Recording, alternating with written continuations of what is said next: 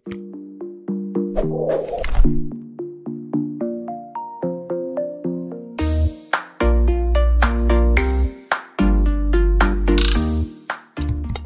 ini didukung oleh Desa WiFi Tol Langit Desa Indonesia. Halo, selamat pagi, salam bahagia kerabat desa Indonesia. Hari ini kita kembali lagi berbincang dalam forum Kipuin Desa. Kipuin Desa hari-hari yang sudah berjalan kita selalu mendiskusikan atau membicarakan tentang desa, tapi Hari ini kita ada apa eh, spesial kebetulan ada ketemu dengan kawan lama dan mendiskusikan tentang sesuatu yang menarik. Uh, semangat untuk bicara tentang dasar negara, undang-undang dasar kita.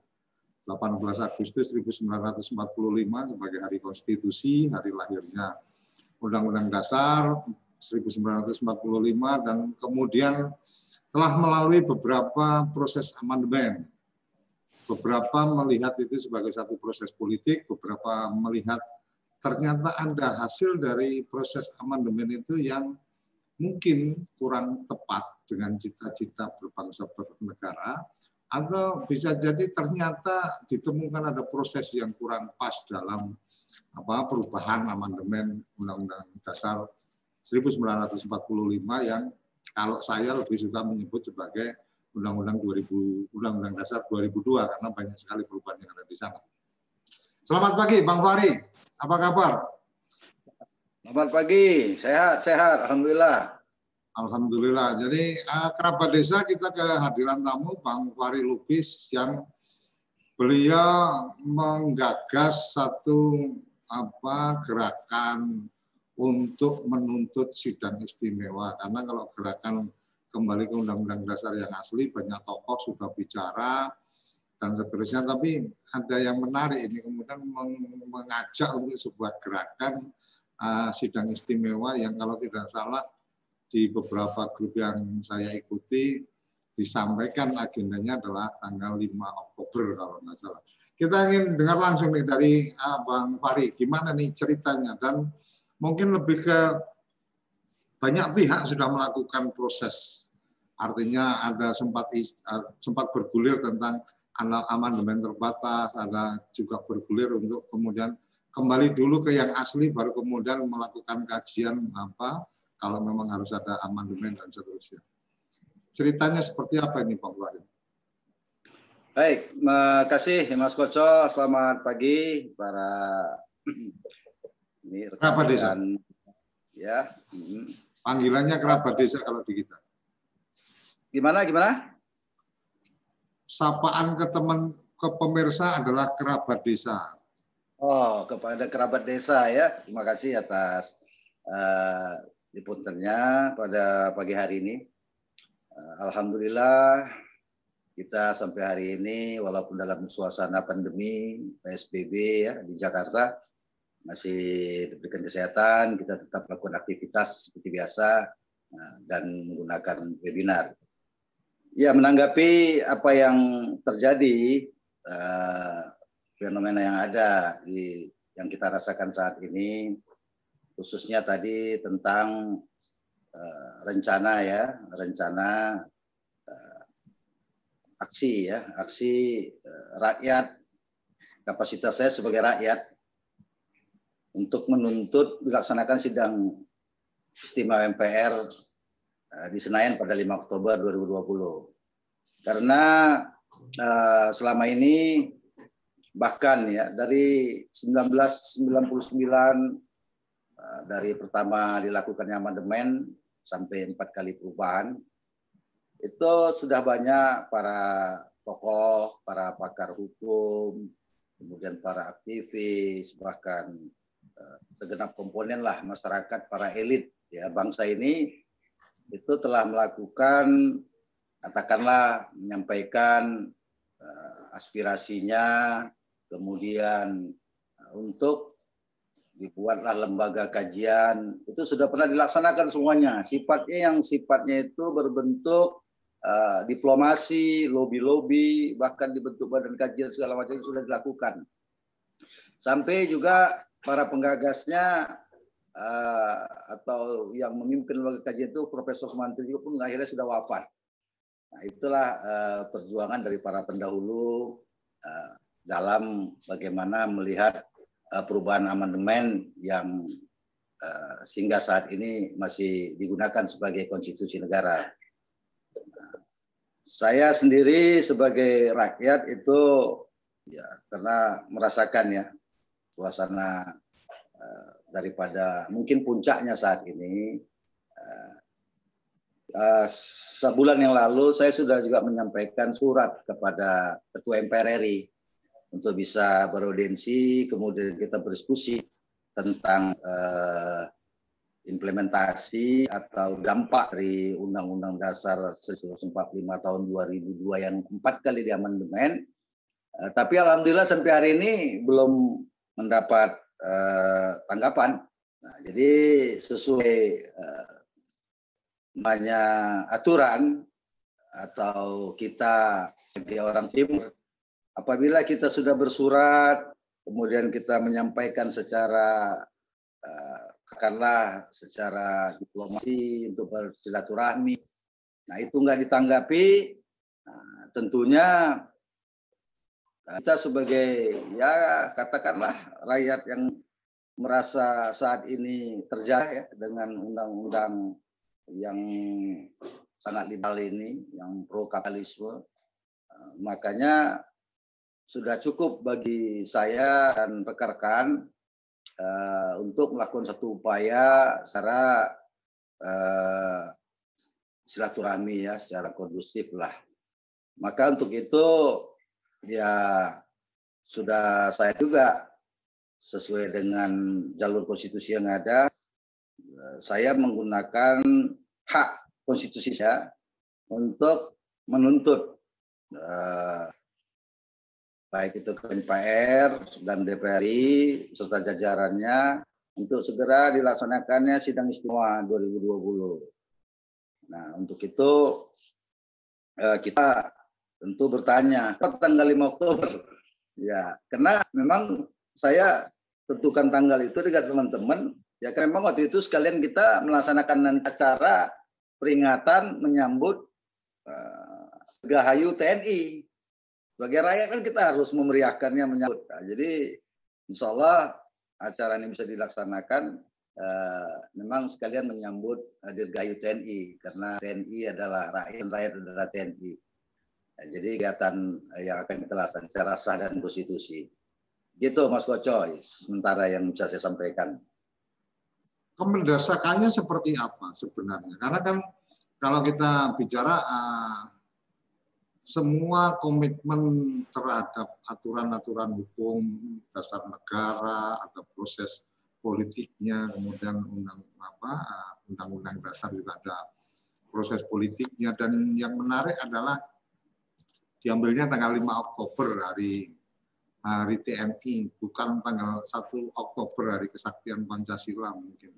Tapi oke, okay, by the way, uh, mendesakannya sebenarnya seperti apa dalam posisi kita yang sekarang masyarakat juga merasakan tentang bagaimana kondisi pandemi dan seterusnya, kemudian apa suasana-suasana kebatinan masyarakat yang mungkin sedang ada masalah-masalah apa ekonomi dan seterusnya. Kenapa kemudian agendanya kemudian ini menjadi men, uh, bisa dinilai sebagai satu kemendesakan sehingga 2020. Halo? Uh, terus putus Mas Kocok ininya uh, ya. pertanyaannya suara voice-nya. Ke, kemendesakannya apa nih? Kurang bagus sinyal nih kelihatan. Ya. Halo? Terputus-putus masih. Belum terputus-putus sinyal. Mendesakan. Artinya alasannya apa kemudian apa di di 2020 bukan 2021 atau 2022? Baik, kalau eh, apa harus di 2020 ya kemarin kan eh, rakyat itu 2019 eh, itu sedang katakanlah hiruk ya. Eh, melaksanakan pilpres kemudian pileg secara serentak. Uh, tentunya dalam hal ini uh, namanya masyarakat sedang kuria dengan pesta demokrasi.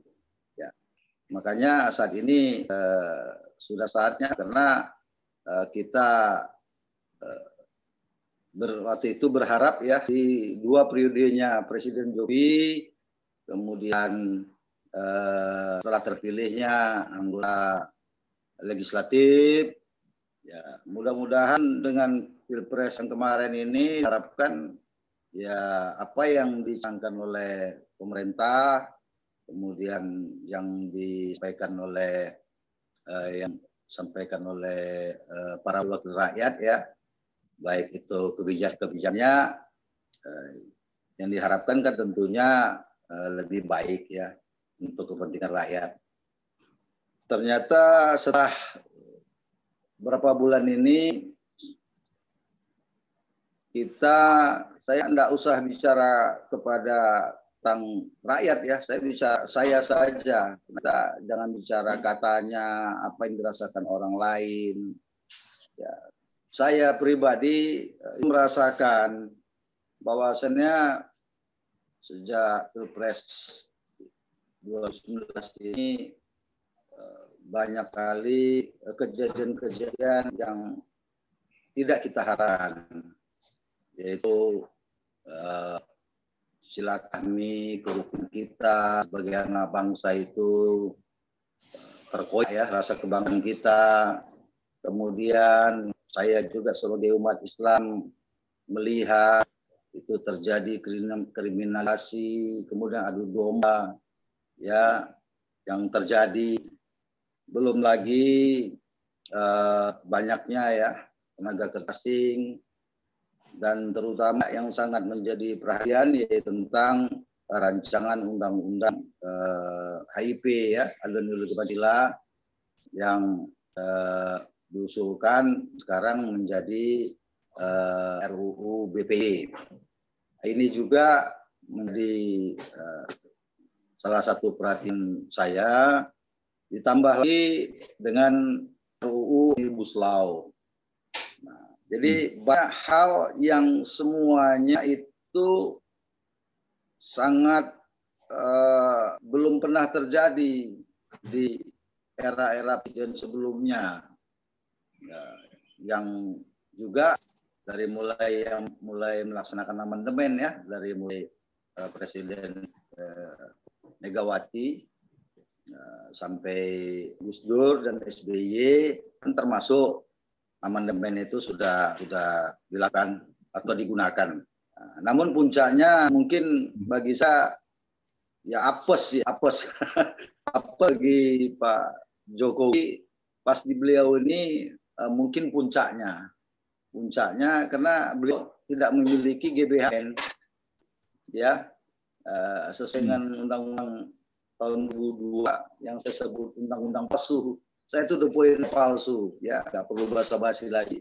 Uh, karena memang uh, kita mempunyai bukti dan saat ini juga masih uh, ada gugatan dari uh, masyarakat Dr. Zulkifli Esmei di Pengadilan Jakarta Pusat dan kemudian juga uh, dua minggu lalu Baris juga uh, sudah memproses memanggil meminta keterangan sebagai pelapor juga Dr. Zulki Eskomei tentang undang-undang palsu ini.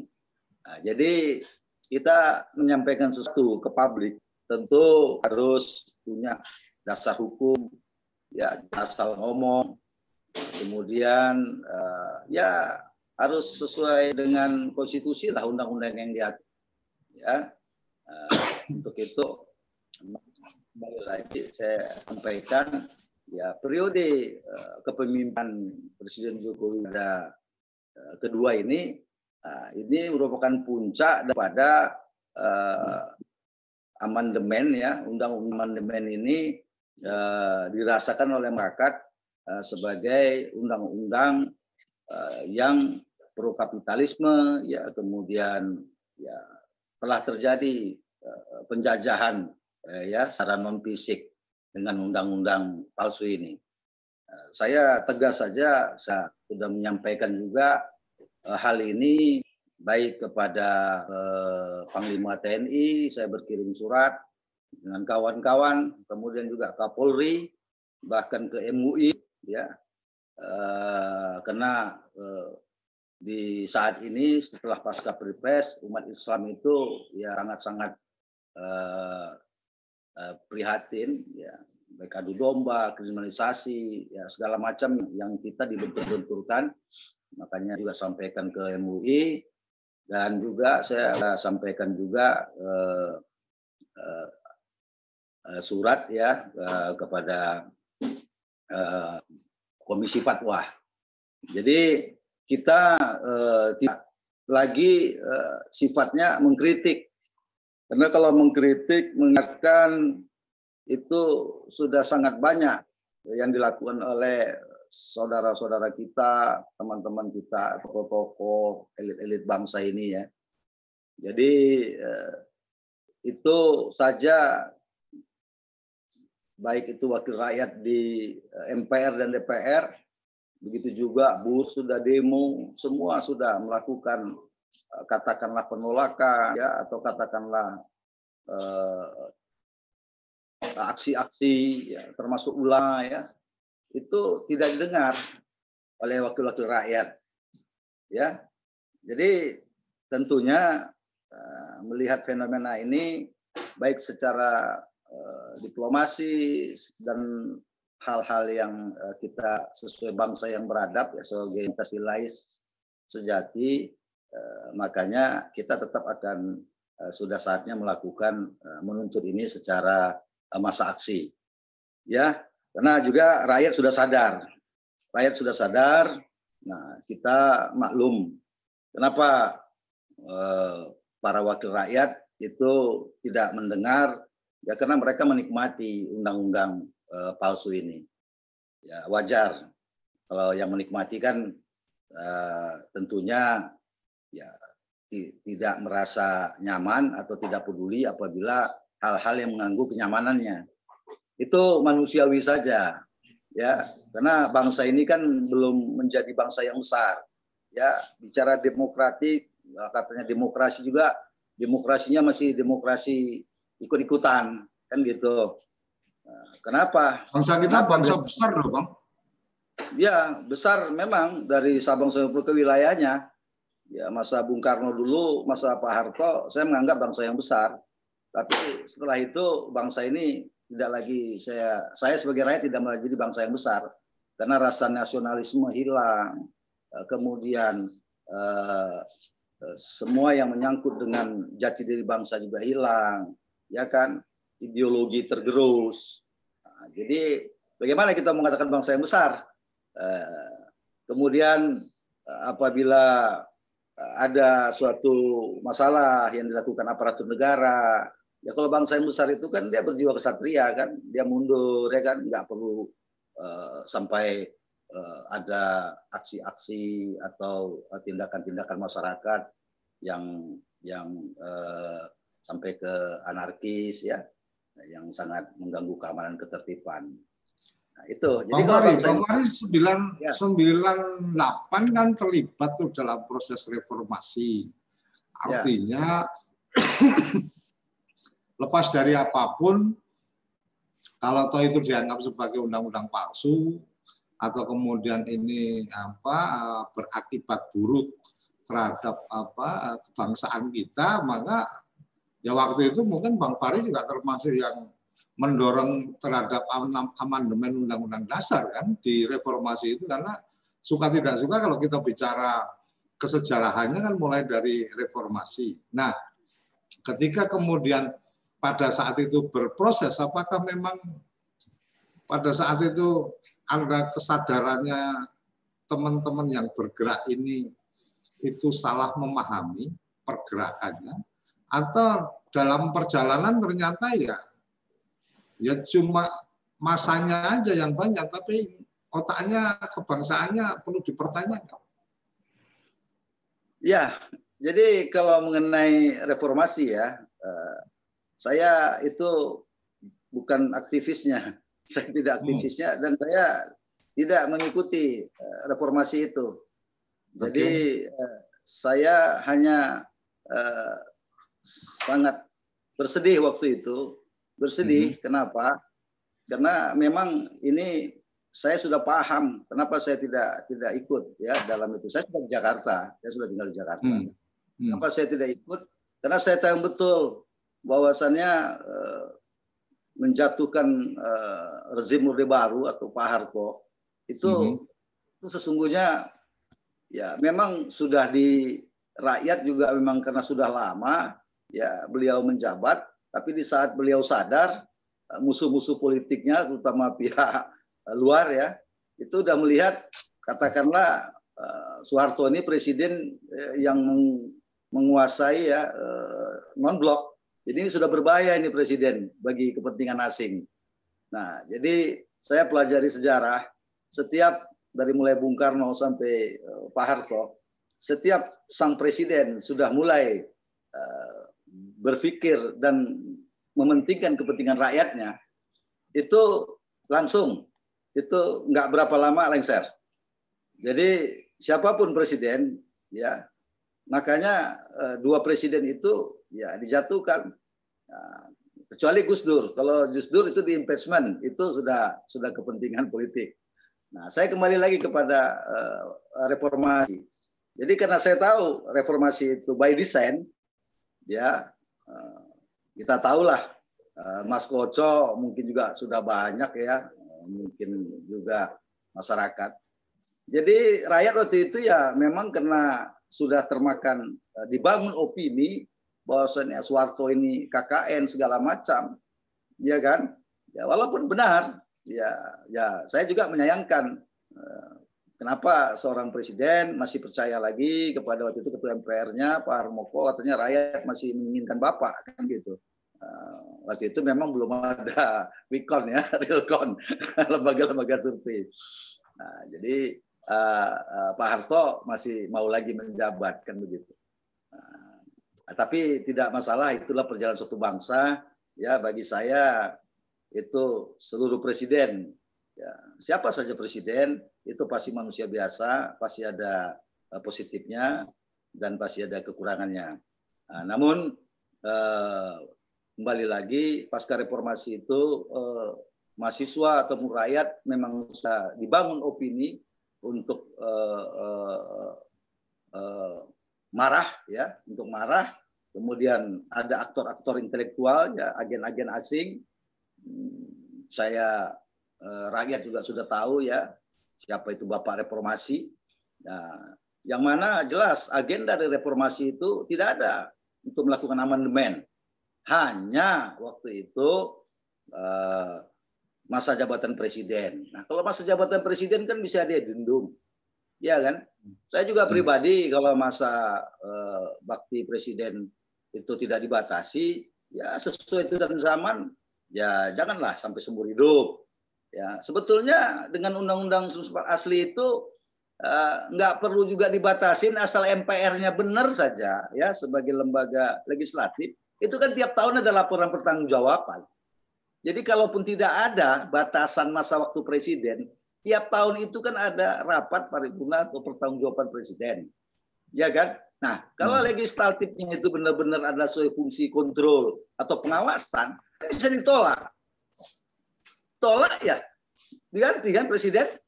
Nah, jadi sebenarnya nanti saya bilang para elit-elit politik atau katakan ahli tata negara ini eh, eh, ya kecerdasannya apa memang ilmunya kurang atau nggak paham tentang tata negara ya, ya jadi sementara eh, embel-embel ya titel waduh sabrak-abrak padahal kan jelas dalam undang-undang 45 asli juga ada GBHN itu kan jelas tiap tahun kan ada laporan pertanggungjawaban. Jadi apa alasan uh, eh, masa bakti presiden itu jangan seumur hidup. Lah tiap tahun ada lapor pertanggungjawaban kalau memakai undang-undang asli. Nah, begitu ditolak ya contoh kayak Presiden Soekarno ya kan tanggung jawabannya dalam nawak sara itu tentang G30 ditanya segala macam dia akhirnya tidak bisa uh, menyampaikan argumennya sesuai untuk membela diri ya akhirnya ya di di investment kan lengser. Nah, ya kan? Nah, jadi sebenarnya kita harus jujur saja sebagai katakanlah ya elit politik ya ahli tata negara. Jujur saja lah ahli tata negara ini yang tahu tentang tata negara ini kan uh, tidak banyak ya. Uh, ya kan? Mereka tidak jujur ya dan sekarang mereka juga udah tahu kok akibatnya. Pak Mahfud ya Bang Yusril ya Refli Harun ya kan sekarang ya kan dari tadinya uh, ikut ya kan karena kebagian kue sekarang nggak kebagian kue tiba-tiba ya kan jadi oposisi ikut di kami ya kan. Pahamlah kita ya. Rakyat itu udah nggak bodoh juga melihat tokoh-tokoh ya, para elit-elit ya kan, uh, tentang langkah-langkah politiknya. Nah, jadi kalau bagi saya apa yang dilakukan baik itu uh, para pakar apa itu sah-sah saja. Hidup ini kan pilihan, ya. Cuma saya bukan berarti saya lebih baik dari mereka. Uh, saya juga tidak perlu mengkritisi mereka. Cuma nanti kita ini masing-masing kan mempertanggungjawabkan ilmu yang kita miliki. Jadi saya cuma dalam kesempatan ini ya ahli tata negara itu sebetulnya kalau mereka itu mau jujur ya karena mereka adalah pelaku amandemen ya termasuk Profesor Dr. Haji Amin Rais ya kan juga hmm. ahli hukum amatan Amerika jujur sajalah ya dokumen sudah ada sama rakyat ya kan 5 Oktober nanti itu uh, akan kita sampaikan uh, apa yang uh, terjadi di amandemen itu. Profesor Sofian Effendi juga menyatakan uang berkarung-karung. Nah, adik-adik saya juga yang ikut reformasi juga itu sudah mengakui, ya kan, uh, ada uh, uh, uang ya yang dibagi kepada fraksi-fraksi yang hadir waktu di sana waktu mengikuti amandemen itu. Nah, jadi waktu uh, sidang pertama ya uh, itu murni uh, masih murni ya agenda reformasi dilaksanakan. Tapi pada uh, sidang-sidang berikutnya dua ketiga itu sampai ada uh, lembaga asing bahkan warga negara asing ikut dalam uh, sidang MPR. Nah, ya kan? Oke. Bang War ini semakin menarik kita membicarakan proses reformasi yang kemudian ada ada sesuatu di sana yang mungkin orang teman-teman apa kerabat desa yang di di kampung-kampung mungkin nggak nggak tahu informasi-informasi seperti ini.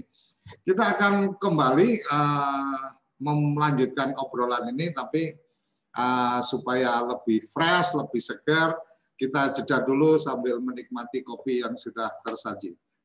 Jangan ke mana-mana, tetap di Kepoin Desa bersama Wari Lubis. Kamu tinggal di pulau terpencil, pegunungan pinggiran kota, atau daerah di Indonesia yang tidak terjangkau jaringan fiber, ADSL, dan juga 3G. Internetan dengan cepat pasti cuma akan menjadi mimpi. Mau pakai tol langit, pakai desa wifi, kunjungi www.desawifi.id. Ayo, kandidat kepala daerah Manfaatkan kesempatan ini. TV Desa mengundang Anda bicara desa. 5 menit bisa. Bicara Desa. Sebuah program tayangan monolog. Konsep membangun dari desa. Dari kandidat untuk masyarakat. 5 menit bisa. Bicara Desa. Hanya di TV Desa. Kembali di Kepoin Desa. Jadi menarik tadi yang disampaikan Bang Fahri Lubis bahwa ada satu ada satu proses di apa uh, amandemen. Nah, pasca reformasi melakukan proses amandemen maka ada ada sesuatu di sana. Kemudian melahirkanlah tokoh-tokoh politik yang kemudian orang memandang sebagai tokoh reformis gitu kan. Orang memandang sebagai tokoh yang memang peduli terhadap bangsa ini. Tapi memang ya, ya itu tadi ada bagian-bagian yang kemudian ternyata uh, ada pesan-pesan titipan ini. Kalau yang saya tangkap dari yang tadi disampaikan Bang Wari, uh, di sesi kedua ini uh, kita ingin tahu. Bang Wari tadi menyampaikan bahwa akan diungkap nih tanggal 5 Oktober nanti tentang ada sesuatu pada saat proses apa amandemen sampai ke tahun sampai dari 98 eh 99 ya sampai 2002 kemudian oh ini ada sesuatu. Dalam artian uh, sama juga mungkin ketika beberapa apa uh, beberapa tokoh saya saya tidak berani menyebutkan namanya karena takut salah karena referensi saya tidak cukup baik. Uh, ada tokoh yang sempat menyampaikan bahwa undang-undang apa uh, hasil yang dihasilkan oleh anggota dewan hasil reformasi itu ada apa sekian banyak undang-undang yang itu pesanan titipan dan seterusnya. Mungkin ini ter, ter apa dimulainya pada saat amandemen undang-undang dasar oh ternyata bisa diongkosin nih akhirnya kemudian undang-undang-undang yang lain itu apa uh, turunan dari undang-undang dasar ini kemudian juga bisa jadi apa uh, konstitusi atau undang-undang pesanan ini penangkapan saya. Tapi yang jelas pengen dengar langsung nih dari Bang Fahri yang tadi sudah menyampaikan bahwa tanggal 5 kita akan sampaikan ini ada ada sesuatu dan seterusnya.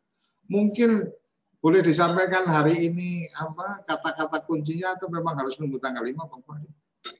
Oh, kita harus sampaikan ya, harus sampaikan nggak nunggu tanggal 5. Ya, saya hmm. eh, tiap hari itu memberi edukasi ke masyarakat jadi dengan okay. adanya acara kerabat desa pagi ini, saya akan sampaikan hmm. bahwasannya uh, kita tidak lagi perlu pakai bahasa basi ya. Ya, bangsa okay. Indonesia ini kan sudah 75 tahun merdeka, yang katanya juga sudah masuk nominasi ya sebagai negara demokrasi katanya ya.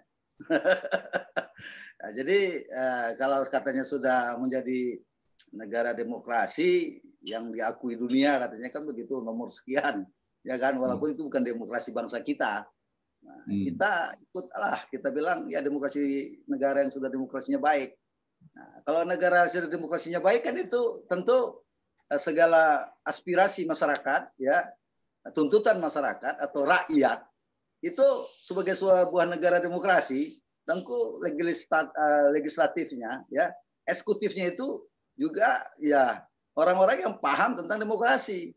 Kan begitu. Nah, hmm. Jadi demokrasinya ah, itu... balik balik ke yang tadi abang sampaikan. Mungkin nah. lebih ke tadi abang sampaikan bahwa ada sesuatu nih pada sidang pertama oke okay, fine tapi sidang berikutnya dan seterusnya bahkan kalau nggak salah tadi saya dengar juga ada uang berkarung-karung ada orang asing yang nah ada di apa di dalam proses-proses apa uh, amandemen dan seterusnya. Sebenarnya kayak apa sih ceritanya bang? Mungkin saya yakin banyak yang nggak paham uh, apa uh, proses reformasi yang itu sebenarnya lebih pada proses politik Jakarta yang kemudian teman-teman di daerah ya akhirnya hanya sampai ke desa-desa ya akhirnya hanya menikmat apa uh, ya mengikuti aja bukan menikmati mengikuti aja kayak nggak kayak memang nggak ada pilihan lain kan gitu. Nah, mungkin Bang Fari bisa berbagi cerita kayak apa sebenarnya atmosfernya ini.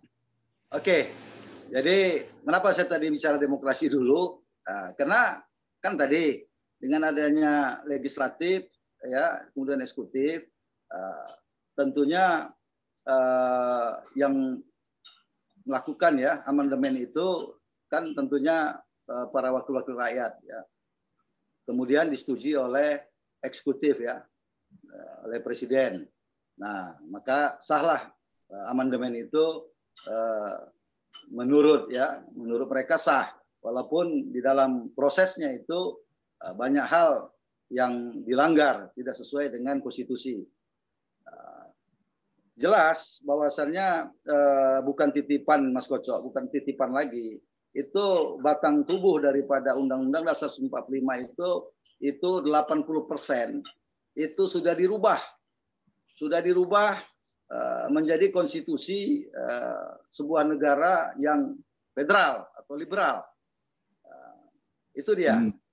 Nah, jadi uh, kita sadar dan paham ya kan? Kalau rakyat di desa ya kan sudah ada uh, pemikiran. Bah kalau urusan negara urusan pemerintah urusan ini ya itu mah urusan penggede lah katanya kan. Kita kan uang beso kan gitu kan?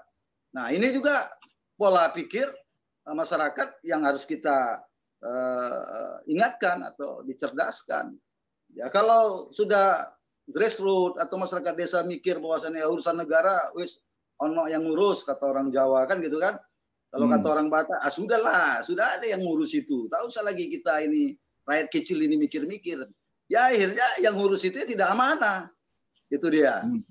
Nah, jadi uh, maka saya dalam uh, diskusi atau uh, apa saja yang saya sampaikan, saya tidak mau saling menyalahkan karena rakyat juga dalam hal ini undang-undang dasar itu rakyat itu tidak mau belajar ya walaupun nggak harus kita pelajarin uh, secara menyeluruh detail paling paling tidak ya tahulah uh, uh, tentang undang-undang dasar ini nah, jadi hmm. undang-undang hmm. dasar yang di amandemen ini yang asli ini sudah jelas uh, batang tubuhnya katakanlah sudah menjadi undang-undang uh, bangsa lain ya bukan lagi undang-undang dasar 45 uh, yang dibuat oleh para panding pader dan para suhada kita jadi eh, saya menyampaikan kepada kerabat desa bahwasannya ya Undang-Undang 1945 tahun 2002 yang saat ini digunakan oleh eksekutif maupun legislatif sebagai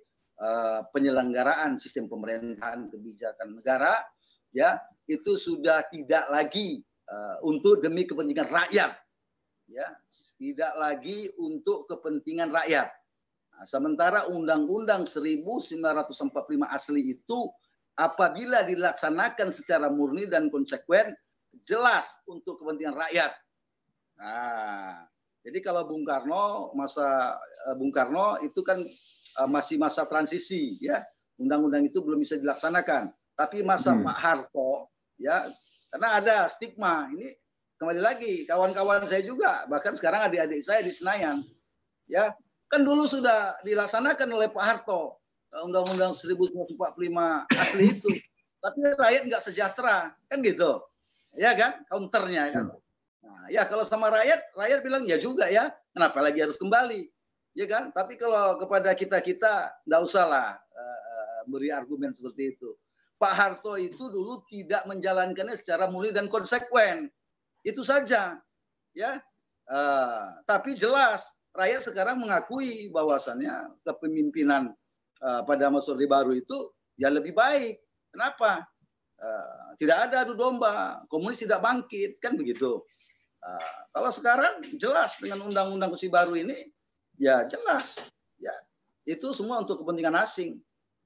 Ya, jadi kita ini jadilah bangsa yang jujur kepada rakyatnya dan juga rakyat juga mau belajar dan peduli kepada apa yang dilakukan oleh para pemimpin, oleh wakil-wakil rakyatnya. Nah, hmm. Jadi uh, tidak lagi kita saat ini itu mencari kambing hitam, saling salah menyalahkan. Ya kalau sudah terjadi ini perjalanan sejarah ya kita luruskan. Maka uh, saya dan kawan-kawan itu kalau uh, ditanya oleh uh, pihak mana pun uh, apakah uh, Bang Fahri itu uh, adalah oposisi? Oh tidak. Apa juga pro rezim atau pemerintah? Tidak juga. Kita garis lurus Ya, kita jalan tengah. Ya, karena pelakunya juga semuanya saudara kita kok, teman-teman kita juga. Ya kan? Hmm. Ya, kalau sekarang ini ya udah masuk ya kepada adik-adik saya lah yang di Senayan sana, ya tinggal berapa saja yang senior. Nah, jadi eh, jangan lagi ada saling menyalahkan. Ya kembali aja ke Undang-Undang asli, karena Undang asli itu adalah untuk kepentingan rakyat, ya kan? Sudah hasil pemikiran para pendiri bangsa, para ulama yang sudah sepakat, ya kan? Ah, dan sudah terbukti ya selama uh, masa kepemimpinan Pak Harto itu uh, sampai suasembada pangan ya uh, juga itu juga komunisme tidak uh, ada atau kan uh, seperti sekarang ini nah Jadi uh, uh, itu yang menjadi uh, fakta. Ar ar artinya, jadi kita apakah, sorry Bang Fari, aku potong. Apakah ini artinya bahwa kemudian apa-apa yang pernah beredar tentang lebih enak zamanku, kemudian apa uh, bagaimana kita ingin uh, suat apa beberapa orang yang menikmati pada saat itu ya artinya kita, mungkin kayak saya masih kecil lah ya menikmati bahwa ya memang suasananya lebih damai, lebih ini dan seterusnya. Itu kemudian kerinduan kerinduan terhadap kondisi itu kemudian terpikir untuk kemudian kembali tetapi dengan uh, beberapa apa uh, pastinya dengan beberapa perubahan lah ya yang yang harus tetap dilakukan namanya namanya apa hidup kan tetap harus ada perubahan-perubahan kan gitu. Nah, apakah ini bisa diartikan sebagai satu bentuk bahwa memang tatanan dulu itu lebih baik, hanya masalah perlu diperbaiki apa perlu hanya di apa dirapikan di beberapa bagian atau atau memang ini ada agenda yang lain juga nih Bang Fonte. Ya, jadi eh, jelas bahwasannya kita sepakat bahwasannya eh, Undang-Undang Dasar 45 itu eh, perlu disempurnakan ya eh, hmm. dengan sesuai tuntutan zaman ya karena kita hmm. uh, jelas ya di dalam undang-undang ya kan itu jelas soal Pancasila itu kita kan uh, di situ ada dalam Pancasila sila yang keempat musyawarah mufakat. Nah itu dia. Uh, jadi uh, dalam hal ini uh, undang-undang uh, asli ini kembali dulu kan begitu? Uh, kemudian uh, dibuat adendum ya kan? Ah, sesuai dengan kebutuhan rakyat atau ya sesuai dengan kondisi kebutuhan rakyat uh, saat ini. Jadi uh, bukan kebutuhan bangsa lain atau kebutuhan kelompok, kepentingan kelompok dan golongan. Nah, itu dilakukan adendum itu adalah pertama sekali yang utama ya kan di sebuah negara itu tentu adanya negara dan pemerintah yaitu mensejahterakan rakyatnya demi kepentingan rakyat Nah, kalau sekarang ini sudah tidak lagi demi kepentingan rakyat. Ya kan? Rakyat itu uh, hanya sebagai legitimasi saja saat ini. Waktu pilkada, pileg, pres. Itulah dia undang-undang yang sekarang ini, undang-undang uh, amandemen ini.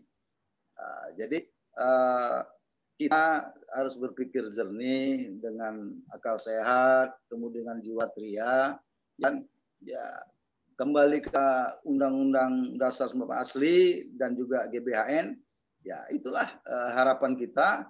Kemudian juga ya dilakukanlah adendum-adendum, ya kan? Nah, kan banyak tuh para ahli tata negara, ya kan? Kemudian anggota DPR juga yang muda-muda sekarang kan banyak, yang cerdas-cerdas, ya kan? Nah, kita harapkan bahwasannya mindset nah, pola pikir sebagai wakil rakyat itu yaitu bagaimana mesejahterakan rakyatnya. Itu saja, ya kan? Nah, dan saya optimis, saya yakin mudah uh, dengan kan uh, kembali undang asli yang akan kita laksanakan 5 Oktober 2020 nanti itu Allah akan beri hidayah kepada wakil rakyat ya kan? Uh, supaya bisa dilaksanakan sidang istimewa ya kan? Uh, yang nantinya dihadiri oleh juga uh, kita kita ya di, di, di, di dalam sidang istimewa itu sebagai utusan golongan ya.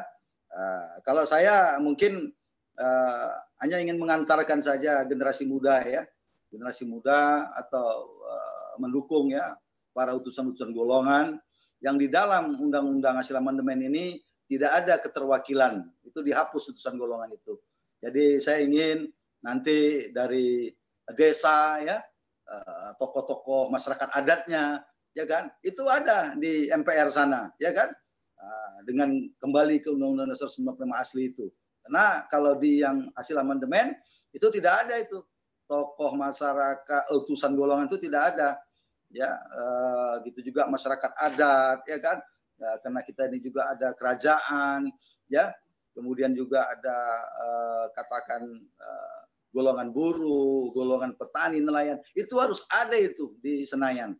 Ya, jadi saya presentatif uh, presentatif itu mungkin kan sekarang dengan adanya DPD. Tapi oke, uh, kita mencoba untuk apa uh, sisi yang lain.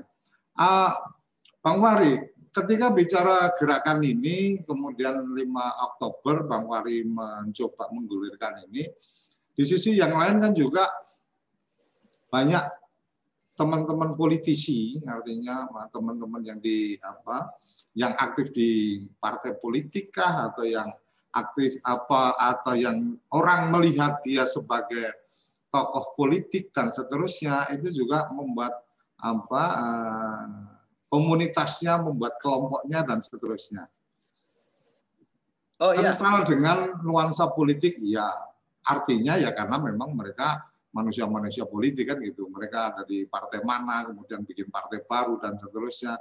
Kemudian juga kemarin nah, saya juga melihat ada apa mantan jenderal juga tampil dengan apa bagaimana apa memberikan pandangan-pandangannya kepada masyarakat dan seterusnya. Ya. Bang Fahri masuk jadi bagian yang kemudian ada agenda-agenda politik kelompok atau politik golongan atau jaringan politik tertentu? Baik, uh, ini pertanyaannya sangat menarik ya. Jadi biar clear and clean. Jadi uh, jelas uh, dengan undang-undang uh, yang diamandemen ini, ya saya melihat semua gerakan ya uh, yang dilakukan oleh baik para politisi ya mantan mantan perwira TNI ya jenderal TNI kemudian juga uh, ya begitu juga para uh, mantan-mantan pejabat ya uh, yang uh, sudah tidak lagi menjabat. Uh, timbul kesadarannya. Nah, akhirnya menjadi oposisi. Uh, itu saya uh, mendukung saja. Saya hadir saya dukung ya. Karena mereka juga eh, keinginannya juga ingin kembali undang-undang dasar asli tuntutan mereka. Uh, kemudian ditambah lagi tuntutan lain. Uh, jadi uh, apa pun yang namanya mengkritik pemerintah sesuai dengan uh, jalur konstitusi, ya saya sebagai rakyat, apalagi itu teman-teman saya, saya mendukung, saya menghargai. Tapi saya tidak masuk dalam bagian itu karena uh, banyak agenda-agenda yang mereka sudah deklarasikan, ya kan, uh, uh, daripada uh, uh, yang akan uh, diperjuangkan. Nah, jadi artinya artinya saya bisa saya bisa pastikan, artinya saya bisa artikan bukan pastikan. Saya bisa artikan bahwa dalam pergerakan ini berteman dengan barisan para mantan para mantan itu itu tetap hmm. berjalan tetapi abang punya apa punya komitmen sendiri dengan komunitas abang ini atau bagaimana? Uh, jadi kita sebagai pertama sebagai seorang yang uh, uh, beragama ya itu silaturahmi tetap ya itu deklarat saya langsung saja lah. Sekarang kan uh, kami ya yang deklaratornya adalah tokoh-tokoh elit politik ya kan? Uh, itu uh, ya teman-teman saya juga ada di sana ya kan? Uh, jadi secara, secara, silaturahmi itu tetap tapi uh, secara komunikasi politik itu jelas tidak ada. Ya, karena apa? Karena saya dan rekan-rekan itu jalan tengah. Kita pure hanya untuk memperjuangkan uh, kembali undang-undang asli ini yaitu untuk demi kepentingan rakyat tidak ada agenda lain ya agenda kita fokus ya kan tidak ada kita juga uh, ingin uh, menjatuhkan kekuasaan tidak ada. Ya, itu harus dijelaskan. Nah, bahwasanya gerakan kita ini hanya gerakan uh, secara sah, legal dan konstitusi itu yaitu kita menuntut kembali uh, undang undang dengan sidang istimewa. Jadi mau uh, dari komunitas lain, dari teman-teman kita ganti rezim, lengserkan Jokowi, ya kan, segala macam, hmm. ya itu saya ya apresiasi aja, ya silakan aja itu kan hak uh, rakyat atau hak teman-teman saya ya kan yang hmm. yang uh, mereka sampaikan. Tapi kalau kita itu tidak ada. ya. ya Mas Koco ya. Jadi kepada kerabat desa Surabaya Indonesia itu itu kita agendanya jelas kembali 45 asli. Nah, kalau sudah kembali kepada undang-undang asli, ya kan, eh, segala yang menjadi produk undang-undang palsu, ya itu ya akhirnya gugur batal. Nah, itu ya uh, pikirkanlah ya sebagai uh, rakyat yang cerdas, ya kan? Nah, jadi kita nggak mau parsial, ya. Uh, juga ada teman-teman kita atau juga para ulama itu konsen di RUU HIP kan gitu kan, gitu juga hmm. yang lain konsen di omnibus law. Ya, itu kan parsial, itu kan semuanya ada di uh, hilir, ya kan daripada undang-undang uh, amandemen ini, ya kan? Nah, jadi kita ke hulunya saja ke akar masalah. Jadi dengan kembali 45 asli ini RUU HIP, Omnibus Law, semua kebijakan-kebijakan yang produk Undang-Undang Dasar palsu ini ya amandemen ini ini batal. Nah, maka ya selesai sudah urusan bangsa ini tinggal ditata kembali ya kan disesuaikan dengan kebutuhan perkembangan zaman. Ya, itu dia. Nah, jadi uh, saya pahamlah itu para para ahli tata negara itu ya ahli-ahli hukum kalau udah kembali 45 ini, ya dampaknya kena. Ya dampaknya kepada kebijakan, ya kan konstitusi eh, lembaga-lembaga uh, yang uh, hasil undang palsu atau amandemen ini. Nah, jadi okay. uh, kita mengangkat uh, kembali lembaga tertinggi negara MPR. Ya. Bang Mari, ada satu pengalaman sejarah bahwa kembali ke Undang-Undang Dasar asli itu juga pernah terjadi ketika kemudian ada dekret 5 Juli 59 artinya uh, waktu itu ada proses untuk kemudian apa ada undang-undang uh, RIS kemudian karena dianggap tidak apa tidak cukup bisa menyelesaikan problematika atau dalam proses penyusunan itu tidak kelar akhirnya kemudian menggunakan dekret artinya ada ada kekuatan apa uh, kepala negara atau presiden bisa mengeluarkan dekret.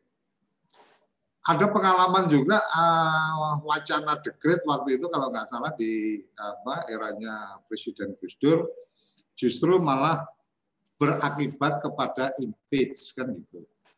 Nah kemudian ketika hari ini Bang Fahri mendorong kembali ke Undang-Undang Dasar asli ada opsinya mungkin dengan sidang istimewa suka tidak suka teman-teman politisi, nah ini menurut saya pribadi, saya nggak terlalu yakin teman-teman yang sudah duduk di sana, politisi-politisi itu kemudian akan apa dengan rela hati kemudian melakukan proses sidang istimewa kembali ke Undang-Undang Dasar asli dan seterusnya.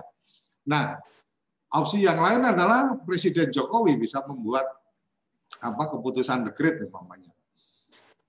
Dua-duanya sepertinya sama-sama apa sama-sama beratnya artinya apakah memang kemudian gerakan 5 Oktober ini lebih sebagai gerakan penyadaran bersama sam, uh, hanya sekedar oh kemudian oh iya ha, ternyata begini atau agendanya memang ya yang memang harus benar-benar ada kejadian uh, satu proses kembali ke undang-undang dasar asli walaupun dengan yang tadi Bang Fahri sampaikan teman-teman yang menggulirkan ikut menggulirkan kembali ke undang-undang dasar asli pun quote unquote juga ada agenda-agenda di apa di dalamnya kan gitu.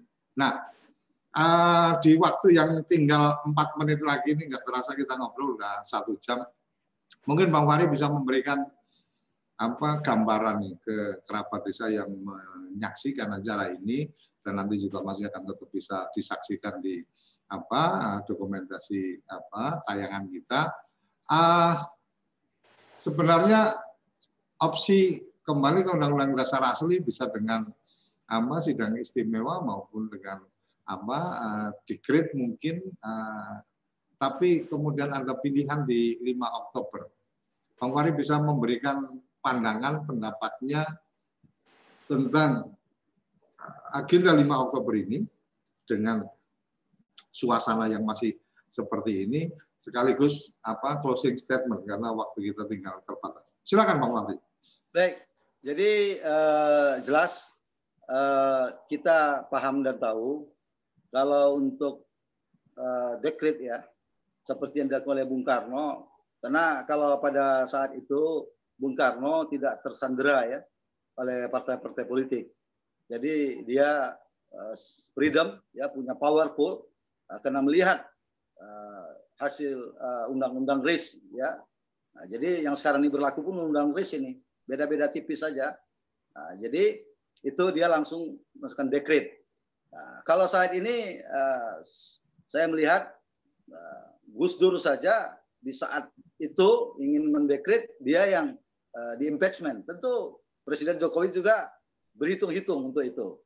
Nah, makanya uh, kita atau saya sebagai rakyat atau dengan kawan-kawan itu uh, ya win-win solutionnya nggak ada lain sidang istimewa karena juga sebagai Muslim ya yang mayoritas Islam negara ini ya musyawarah mufakat. Sidang istimewa itu kan musyawarah mufakat.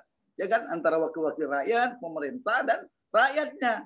Ya kan untuk uh, mencari solusi ya kan ya dengan kembali Rus 45 ini karena itu solusinya. Lain dari itu tidak ada.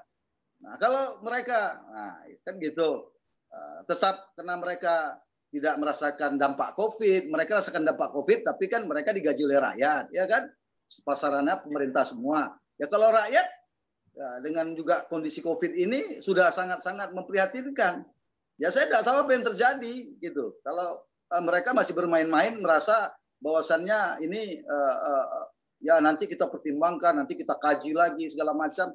Udah sudah selesai karena kajian-kajian itu sudah ada semuanya.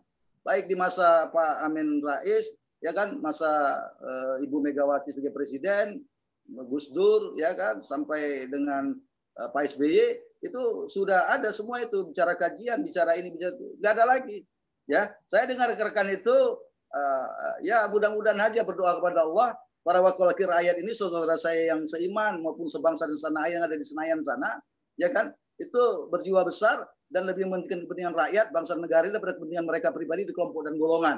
Itu statement saya. Kalau mereka masih memikirkan kepentingan pribadi kelompok dan golongannya ya kan?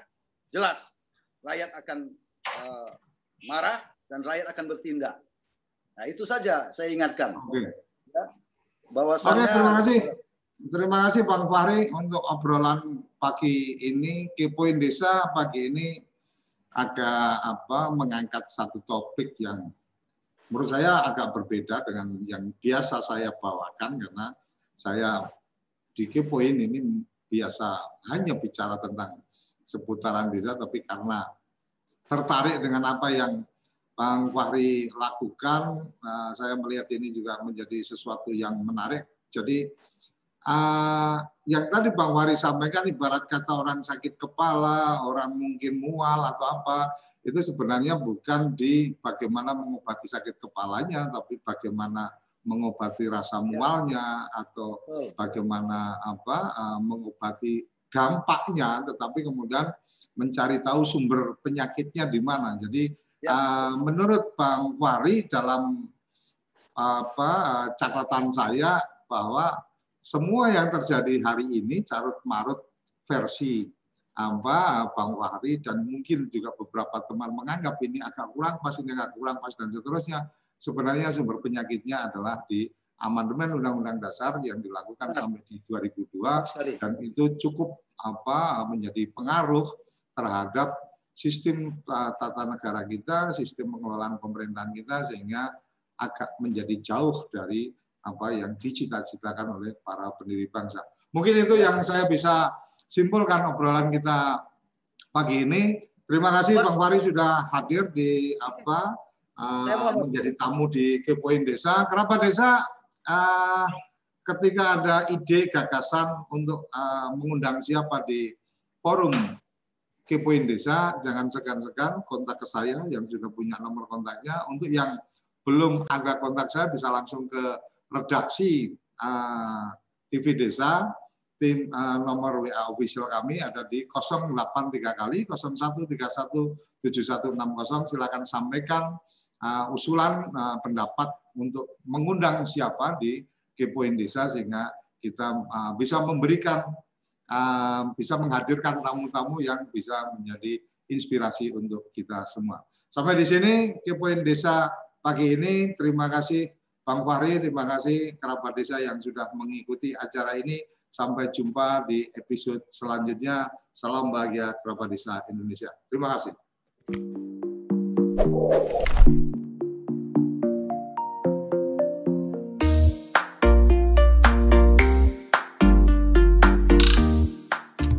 Acara ini didukung oleh Desa Wifi, Tol Langit Desa Indonesia.